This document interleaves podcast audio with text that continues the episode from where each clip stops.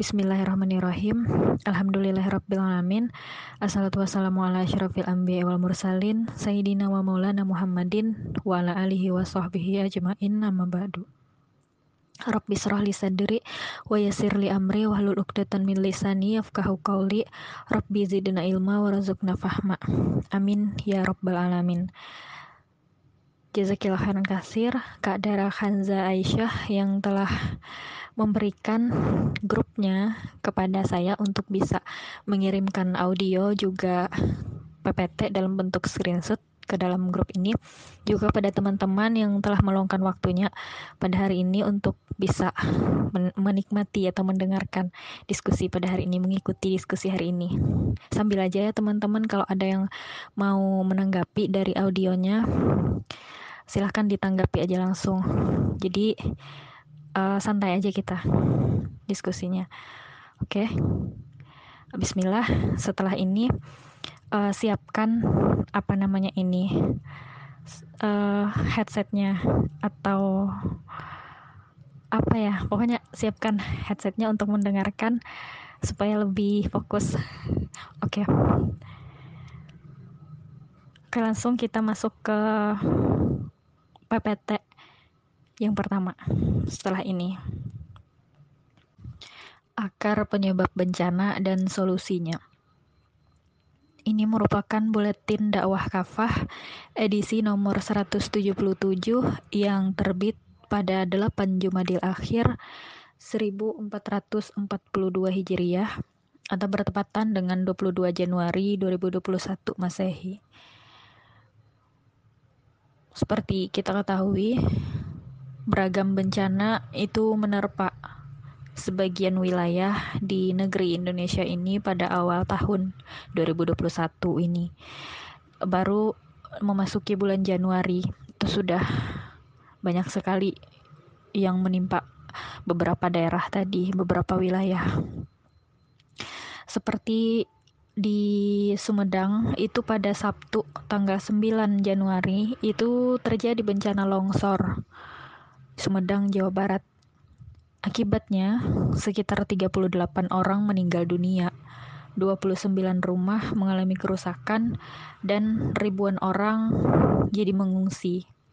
Kemudian ke next ke hari berikutnya itu pada 13 Januari pada Rabu 13 Januari di Kalimantan Selatan itu mengalami bencana banjir.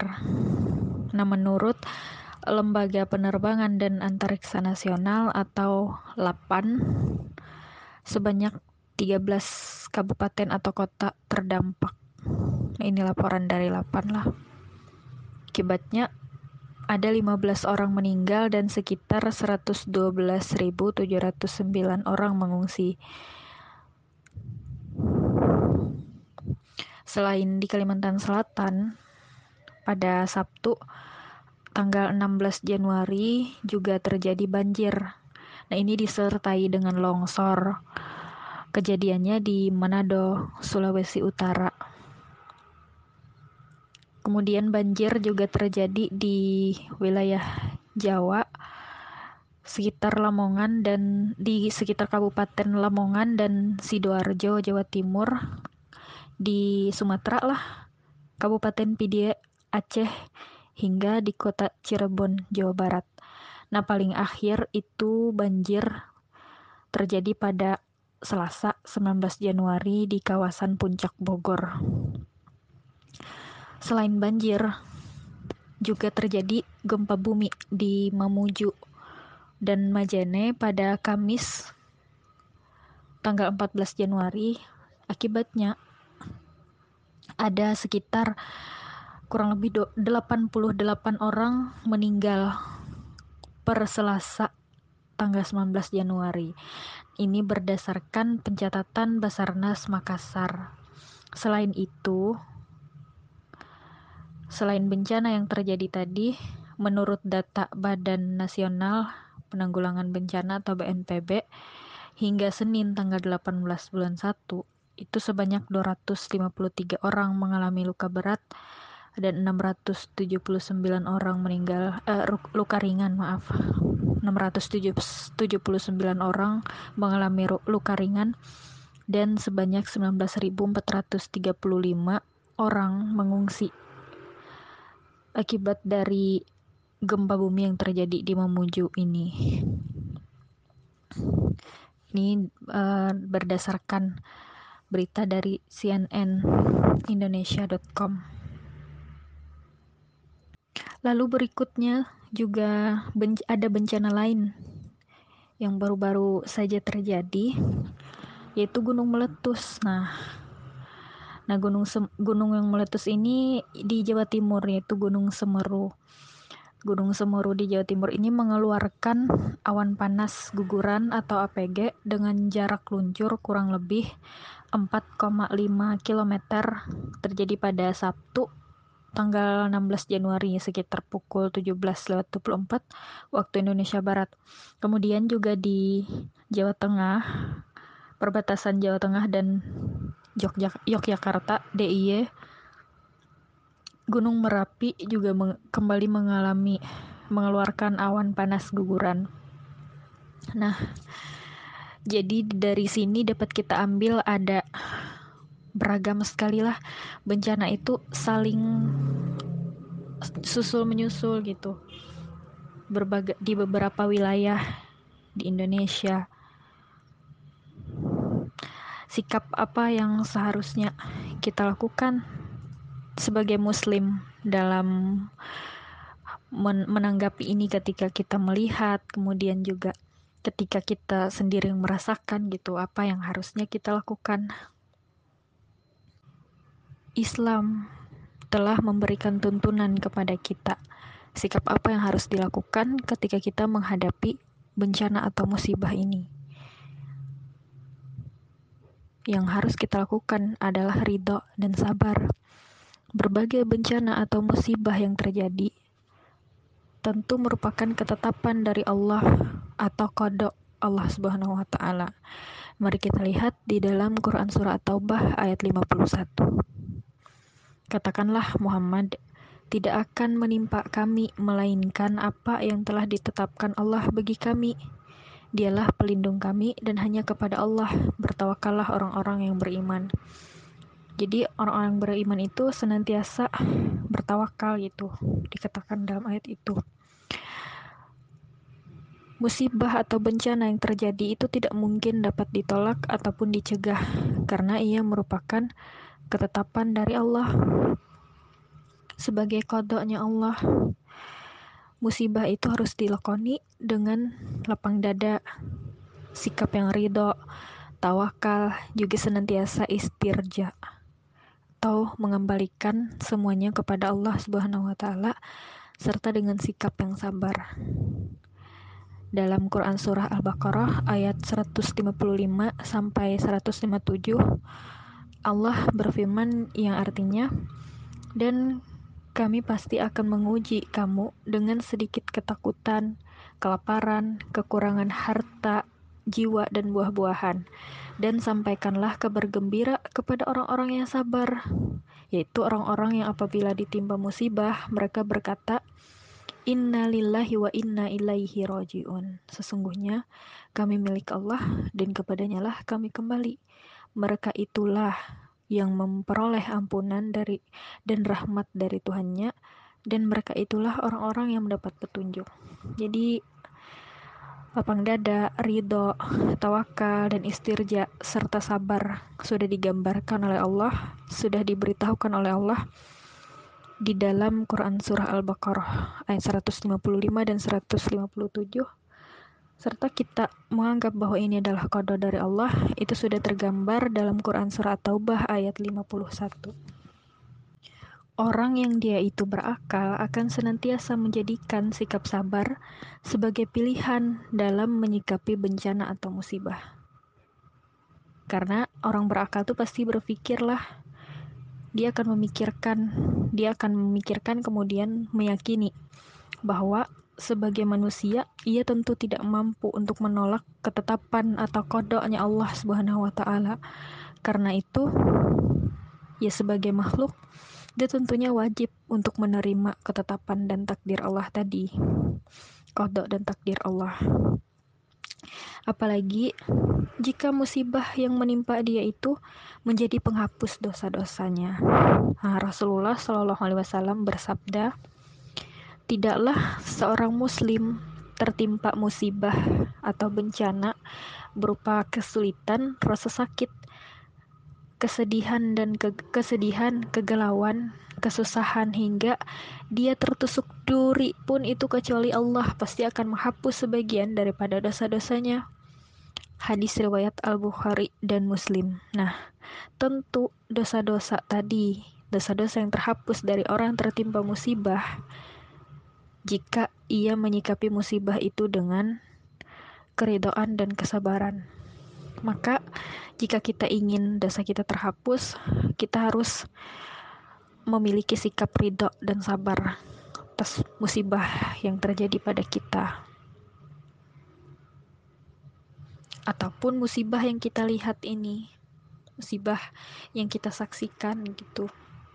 Sebagai orang yang berakal juga, pastinya manusia itu dia akan memikirkan bahwa ternyata aku nih lemah, ternyata aku ini tidak sebanding, tidak seberapa dibandingkan Allah. Nah, itu berarti bahwa manusia itu lemah. Ya, apa yang terjadi, aneka bencana yang terjadi itu menunjukkan, sudah jelas menunjukkan bahwa manusia itu sungguh lemah. Ternyata manusia itu sungguh membutuhkan pertolongan dari Allah Subhanahu wa taala. Dan juga tidak layak, sangat tidak layak untuk manusia itu bersikap membangkang terhadap ketentuannya, bermaksiat, toh bahkan berani mencampakkan petunjuk dan aturan dari Allah. Allah telah berfirman di dalam Quran surah Al-Mulk ayat 16 sampai 17 yang artinya Apakah kalian merasa aman terhadap hukuman Allah yang berkuasa di langit saat Dia menjungkir balikan bumi bersama kalian, sehingga dengan tiba-tiba bumi itu berguncang? Ataukah kalian merasa aman terhadap azab Allah yang berkuasa di langit saat Dia mengirimkan angin disertai debu dan kerikil? Kelak kalian akan mengetahui bagaimana akibat dari mendustakan peringatanku. Nah, Imam Al-Baghawi dalam tafsirnya Ma'alim At-Tanzil mengatakan menjelaskan bahwa Ibnu Abbas radhiyallahu an berkata terkait ayat tadi, apakah kamu merasa aman dari yang ada di langit, yakni azab Allah yang ada di langit lah, saat kalian bermaksiat kepadanya. Kemudian Allah menjungkir balikan bumi bersama kalian sehingga bumi berguncang. Jadi ini sudah cukup jelas membuktikan bahwa kita itu tidak ada apa-apanya dibanding Allah. Allah itu berkuasa. Sedangkan manusia itu yang dikuasai oleh Allah.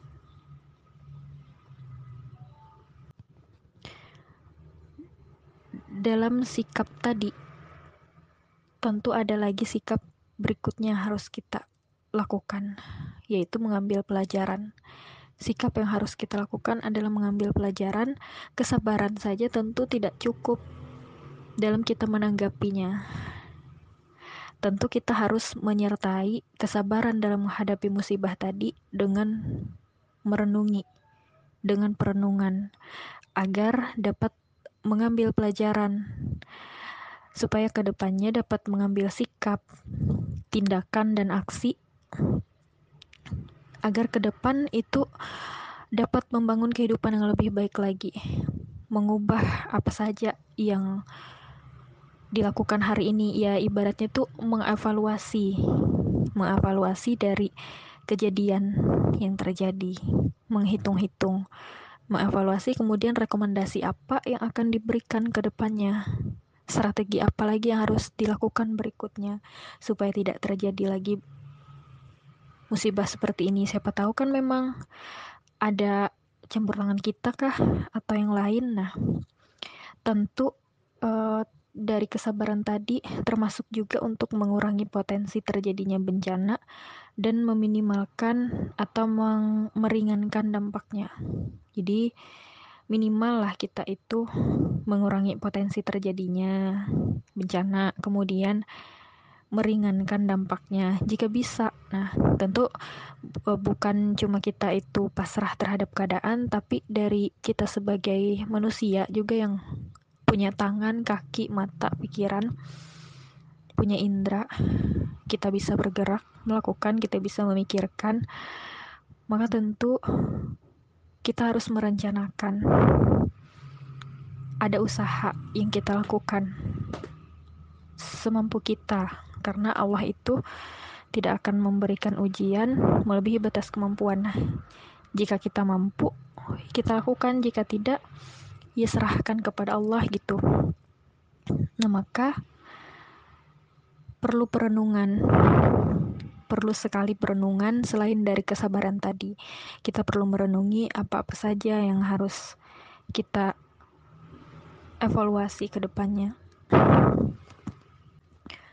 dalam semua bencana yang terjadi tadi, tentu ada dua hal yang mesti kita renungkan untuk bisa ke depannya menjadi pelajaran. Supaya kita bisa menarik pelajaran dari bencana-bencana tadi, ada dua hal yang direnungkan. Yang pertama, penyebabnya apa? Kemudian yang kedua, penanganan dan pengelolaan dampak bencana, termasuk rehabilitasi. Jadi, untuk menangani bencana itu seperti apa, kemudian dalam meng mengelola dampaknya itu seperti apa, bahkan juga ke depannya untuk merehabilitasi, memperbaiki itu semua, itu yang harus kita renungi dalam dua hal tadi. Yang pertama penyebab, kemudian yang kedua itu dari kita sendiri, yaitu penanganan dan pengelolaannya. Terkait penyebab bencana, Allah Subhanahu wa Ta'ala itu telah menyatakan bahwa musibah, termasuk bencana alam, itu memang terjadi sesuai dengan kehendak dan ketentuan Allah sebagai kodok dari Allah. Sudah tadilah dikatakan dalam Quran Surah Al-Baqarah ayat 51, Katakanlah Muhammad tidak akan menimpa kami melainkan apa yang telah ditetapkan Allah bagi kami. Dialah pelindung kami dan hanya kepada Allah bertawakallah orang-orang yang beriman. Namun demikian, tentu bukan hanya sekedar ketetapan saja. Allah juga telah memperingatkan kepada kita, kepada manusia, umat manusia, bahwa banyak musibah yang terjadi pada hari ini itu ada yang melibatkan peran manusia. Allah berfirman di dalam Quran surah Asyura ayat 30, musibah apa saja yang menimpa kalian itu adalah akibat perbuatan kalian sendiri.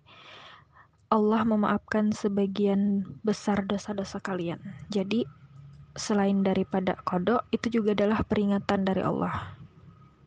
Nah, ini yang kita renungi tadilah, yaitu tentang apa namanya penyebabnya, kemudian berikutnya Allah itu memperingatkan penanganannya itu seperti apa gitu.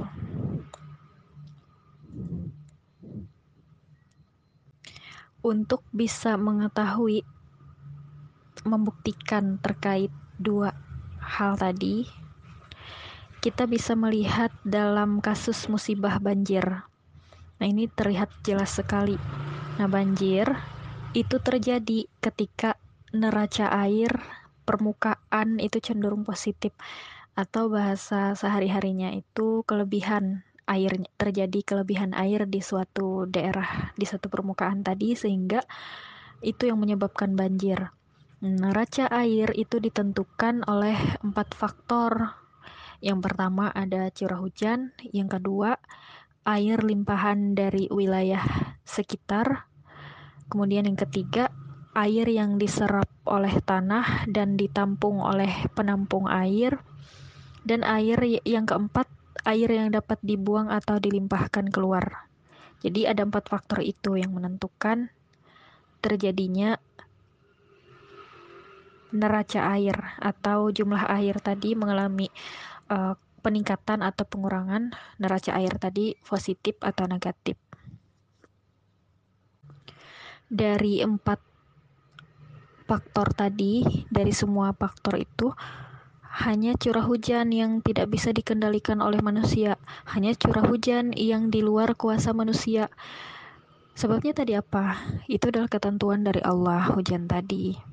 Manusia tidak bisa meminta hujan atau menurunkan hujan, itu hanya bisa dilakukan oleh Allah. Nah, kemudian tiga faktor yang lain yaitu air limpahan dari wilayah sekitar, air yang diserap dan ditampung, serta air yang dapat dibuang atau dilimpahkan keluar, ini uh, tentunya dipengaruhi oleh perilaku manusia. Termasuk juga kebijakan-kebijakan apa yang akan dikeluarkan oleh manusia tadi. Dalam hal ini penguasa lah, karena yang mengatur terkait lingkungan itu kan adalah penguasa, bukan dalam artian yang lebih besar, tapi yang intinya tuh yang menguasai di bidangnya gitu. Pemimpin dalam bidang itu. Nah, kebijakan-kebijakannya itu kan mereka yang membuat uh, seperti air limpahan dari wilayah sekitar ini misalkan dalam wilayah yang A itu banjir uh, air hujan gitu terkena hujan tapi ternyata tanah itu tidak dapat menyerap atau bahkan tidak dapat menampung kelebihan nih over capacity di dalam wilayah A ini, sedangkan di wilayah B itu hujan juga tetapi wilayah B ini lebih rendah. Nah, dalam artian wilayah yang ada di air hujan yang ada di wilayah A yang menggenang di wilayah A yang over capacity ini di sana sudah banjir, akhirnya turun lagi ke tempat yang lebih rendah yaitu ke wilayah B hingga wilayah B juga ikut terkena banjir. Sifatnya air itu kan mengalir dari tempat yang tinggi ke tempat yang lebih rendah gitu. Nah, karena tidak dapat ditampung, tidak ada yang menyerap dari dari wilayah A, akhirnya tidak dapat ditampung juga, akhirnya turun ke wilayah yang lebih rendah. Di sana juga tidak dapat ditampung. Akhirnya ketika tidak dapat dibuang, ya menggenang banjir sampai uh, besar gitu. Apalagi ditambah curah hujan yang tinggi. Jadi memang dalam bencana banjir ini tidak bijak jika malah menjadikan curah hujan sebagai penyebab atau sebagai kambing hitam dalam uh, sebab bencana banjir ini. Karena memang hujan itu hanyalah faktor yang ketetapan dari Allah. Tentu hujan itu kan adalah rahmat gitu. Tentu dia hak bumi juga meminta haknya untuk hujan ini turunnya hujan. Dan sudah ketetapannya juga di situ terjadi hujan. Tapi karena memang manusia tidak mampu untuk memberikan mengelola untuk memberikan untuk istilahnya menjaga supaya tidak banjir akhirnya kan over capacity terjadilah banjir yang besar Nah, curah hujan itu hanya satu dari empat faktor. Tiga faktor lain itu sangat dipengaruhi oleh daya dukung lingkungan. Jadi lingkungan yang mempengaruhi tiga faktor tadi. Masih ingat? Silahkan lihat lagi di slide sebelumnya. Nah, degrad iya slide ini juga maksudnya. Jadi, degradasi lingkungan degradasi lingkungan atau daya dukung lingkungan gitu itu terjadi di hulu dan hilir juga di daerah aliran sungai atau das itu berpengaruh besar atas terjadinya bencana banjir dan akan memperbesar skala dampaknya. Degradasi lingkungan atau kerusakan lingkungan itu jika terjadi di hulu dan hilir atau bahkan di daerah aliran sungai, maka akan berpengaruh besar atas terjadinya bencana banjir dan sekaligus akan memperbesar skala dampaknya. Nah, mari kita lihat dalam hal ini adalah ada persoalan yaitu terkait apa namanya ini persoalan tutupan lahan.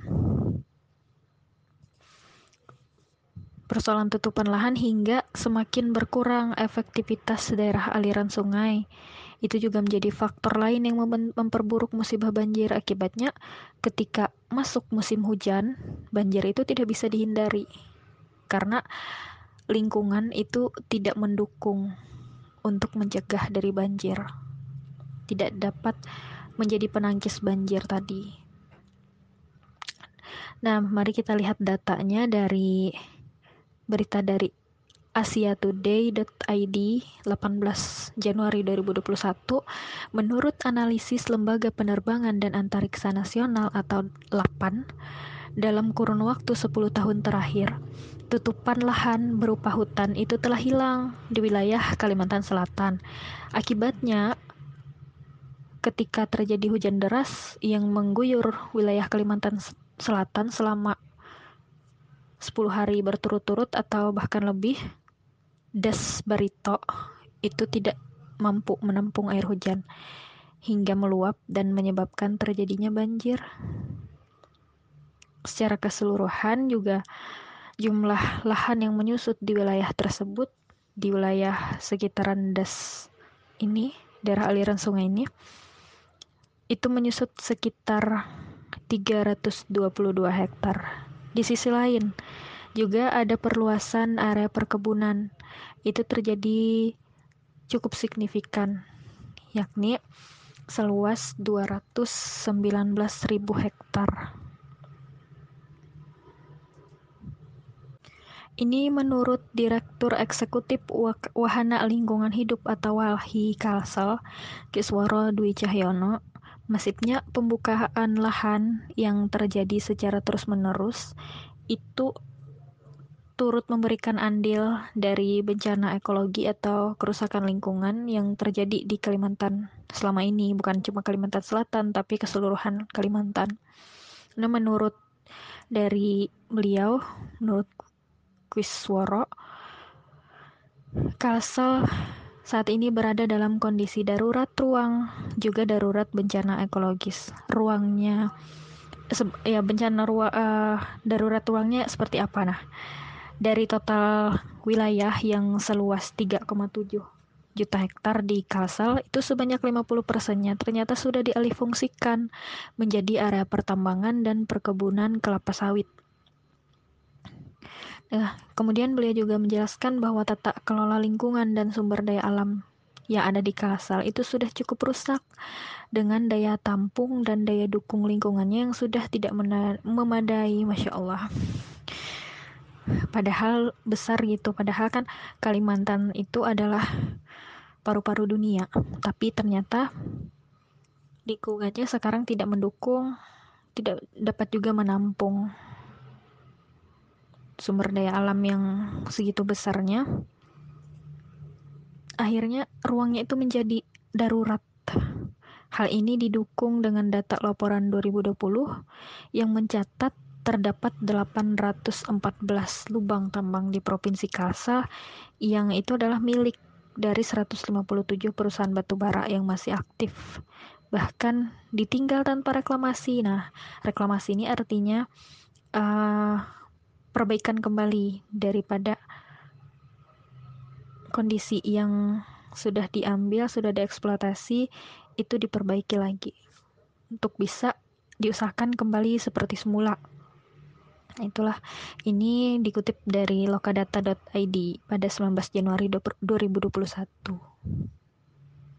Degradasi lingkungan itu karena eksploitasi lahan secara berlebihan, kemudian tanpa memandang dampak yang terjadi, juga tanpa adanya reklamasi. Nah, patut diduga bahwa memang di sini ada perizinan lah daripada untuk mengeksploitasi tadi tentunya harus ada izin dari pihak yang berwenang.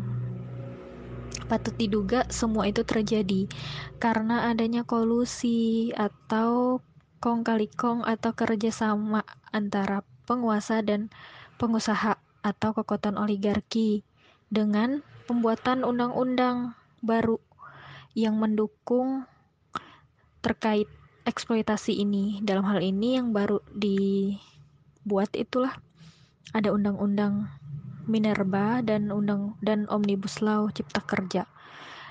Yang mana undang-undang tadi itu akan jika terus berlangsung undang-undang tadi akan menjadikan apa namanya ini akan menjadikan perizinan tadi itu terus berlangsung, eksploitasi terus berlangsung, kemudian akhirnya bisa makin parah dampak degradasi lingkungannya ini. Nah, kenapa semua ini terjadi? Karena ia berpangkal pada pengadopsian atau dari diambilnya dari diterapkannya sistem kapitalisme. Sistem kapitalisme yang hanya apa namanya tujuannya adalah untuk keuntungan tujuan keuntungannya itu juga landasan dalam menuju tadi itu dalam menuju keuntungan meraih materi meraih keuntungan tadi itu landasannya adalah sekularisme yaitu pemisahan agama dari kehidupan kapitalisme lah jadi peraturan perundang-undangan tadi itu adalah untuk memuluskan jalannya usaha yang dibuat oleh penguasa. Dalam hal ini adalah yang berwenang untuk membuat peraturan perundang-undangan itu kan adalah penguasa. Nah, tujuan dari dibuatnya undang-undang itu adalah materi. Nah, itu disebut dengan kapitalisme atau untuk meraih keuntungan sebesar-besarnya dengan modal yang sedikit, modal yang kecil. Nah, dalam meraih tujuan itu, tentunya caranya juga tidak benar, cara yang tidak sohih. Nah, asas untuk asas atau dasar dari dia membuat peraturan perundang-undangan supaya bisa meraih keuntungan tadi, itu adalah asasnya tadi sekularisme, pemisahan agama dan kehidupan.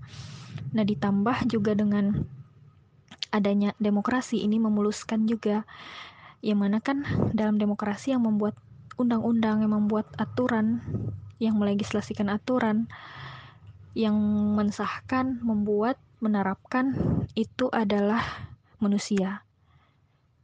Yang berwenang membuat aturan itu adalah manusia, terlepas dia adalah orang banyak ataupun sedikit, ya manusia gitu yang membuatnya.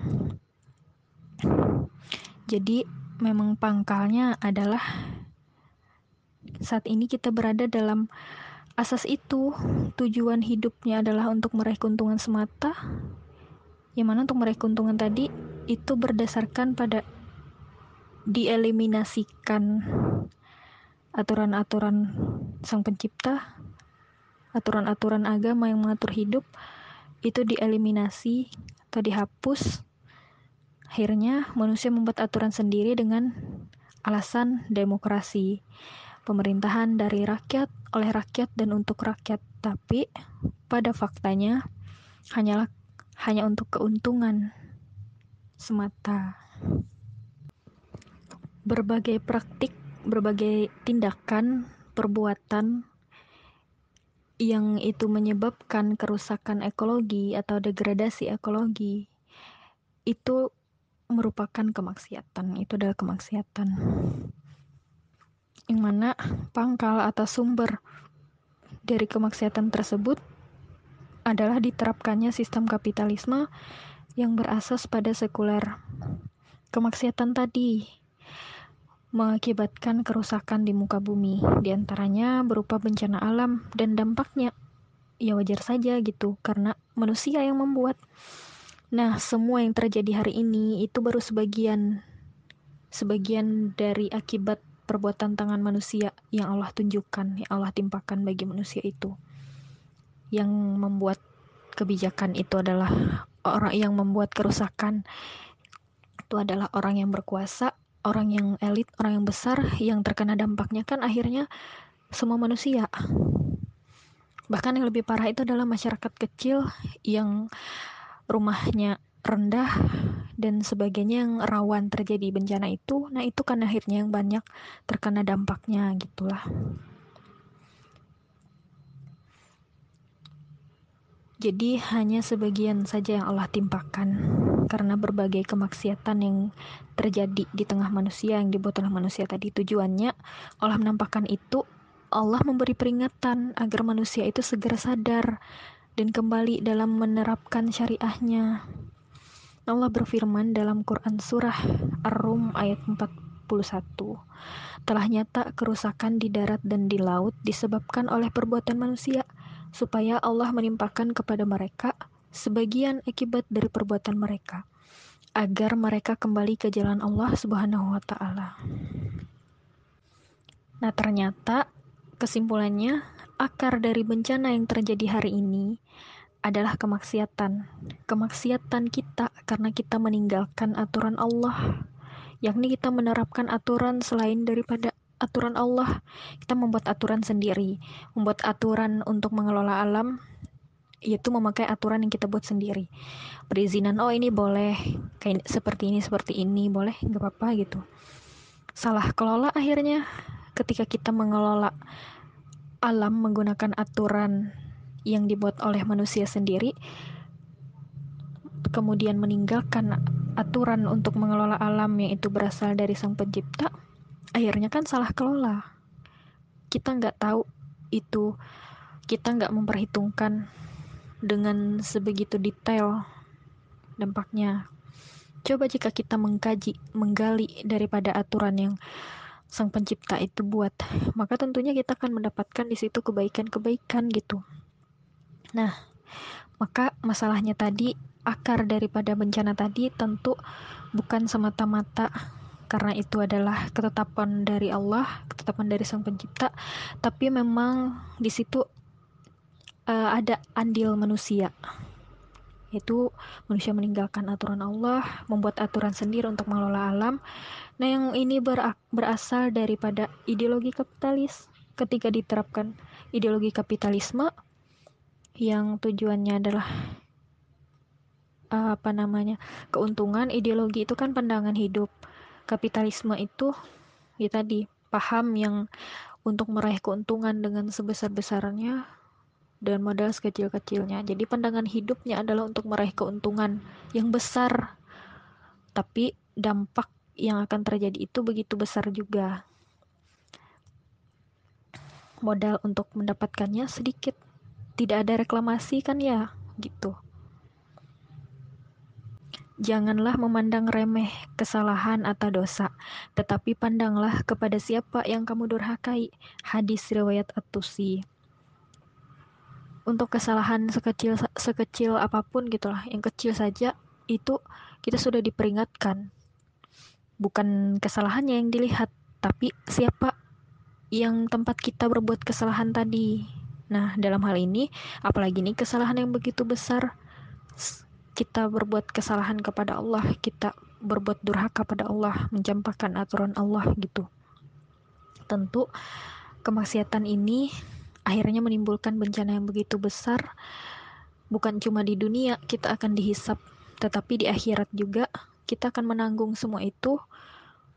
Karena jika kita diam saja tanpa mengubah keadaan tadi, maka jangan sampai kita termasuk dari orang-orang yang berdosa, orang-orang yang durhaka, karena kita tidak mau mengubah aturan tadi menjadi aturan yang itu harusnya diterapkan dengan aturan Allah. Bahkan atur dosa kecil itu ya seperti membuang sampah yang dosa kita kepada lingkungan gitu nah. Dosa kita yang dilakukan di lingkungan membuang sampah sembarangan aja itu bisa berdampak gitu apalagi ini membuang limbah segitu banyak atau bahkan mengeruk segitu banyak sumber daya alam dengan tanpa memperhatikan daripada aturan untuk mengelola lingkungan yang berdasarkan pada peraturan Allah. Maka solusi yang bisa kita lakukan untuk mengubah kondisi tadi adalah dengan mencampakkan akar masalahnya. Kemudian kita menerapkan aturan Allah. Itu ideologi Islam. Dan kita akan hidup ke dalam syariah secara kafah. Kita melakukan perubahan secara sistemik, bukan cuma satu masalah aja yang kita selesaikan, tapi semuanya kita selesaikan secara sistemnya, tersistem karena kerusakan yang terjadi itu adalah kerusakan sistem, sistem yang membuat aturan-aturannya itu yang salah. Maka yang harus kita rubah adalah sistem yang membuat aturan-aturannya tadi. Nah maka kunci untuk mengakhiri segala musibah atau bencana itu tidak lain dengan mencampakkan akar penyebabnya yakni ideologi atau sistem sekularisme kapitalisme tadi. Nah berikutnya kita harus menerapkan ideologi dan sistem yang telah Allah Subhanahu wa taala turunkan yaitu ideologi dan sistem Islam ideologi Islam, pandangan hidup Islam, menjadikan Islam sebagai panduan kehidupan, dan sistem Islam yang mengatur seluruh aspek kehidupan kita. Dengan kata lain, kita menerapkan syariah Islam secara kafah atau menyeluruh dalam seluruh aspek kehidupan, termasuk juga dalam pengelolaan lahan atau tanah tadi, sumber daya alam, dan juga lingkungan hidup. Nah, itu diatur semuanya di dalam Islam maka yang harus kita lakukan adalah sistem yang mengaturnya supaya semuanya itu makin uh, saling berhubungan gitu ya. Jadi memang harus diubah dari ideologi dan sistemnya. Nah, kalau kita masih ragu, ya janganlah, jangan sampai ragu gitu. Nah, di sini dikatakan bahwa hukum atau aturan Allah itu adalah hukum yang terbaik. Maka patutkah aku mencari selain daripada Allah sebagai hakim, padahal dialah yang telah menurunkan kitab Al-Quran kepadamu yang dengan terperinci. Orang-orang yang telah kami datangkan kitab kepada mereka, mereka mengetahui bahwa Al-Quran itu diturunkan dari Tuhanmu dengan sebenarnya. Maka, janganlah kamu termasuk orang yang ragu-ragu sekalipun. Quran Surah Al-An'am ayat 114 Jadi jangan sampai ragu, karena hukum Allah itu adalah yang terbaik. Hikmahnya di sini bahwa syuhada ini untuk untuk menenangkan bagi yang terkena bencana lah bahwa syuhada itu ada lima. Yang pertama, mereka yang mati karena taun, orang yang mati karena penyakit perut atau diare, yang ketiga, orang yang mati karena tenggelam, kemudian yang keempat orang yang mati tertimpa reruntuhan. Dan yang terakhir dia yang meninggal di jalan Allah Azza wa Jalla. Hadis riwayat muslim. Maka pastikan mulai dari sekarang kita selalu bersiap-siap. Kita berusaha untuk menerapkan aturan-aturan Allah tadi dalam kehidupan kita. Jangan sampai kita menjadi orang-orang yang lalai orang-orang yang ragu orang-orang yang termasuk bagian daripada orang yang melanggengkan sistem hari ini, orang yang tidak berusaha untuk mengubah keadaan hari ini. Cara mengubah keadaannya adalah dengan mengubah ideologi atau pandangan hidupnya juga mengubah sistem yang diterapkan sehingga sistem itu yang membuat aturan yang terjadi hari ini. Nah, itu saja yang bisa saya sampaikan. Wallahu a'lam bisawab. Wassalamualaikum warahmatullahi wabarakatuh.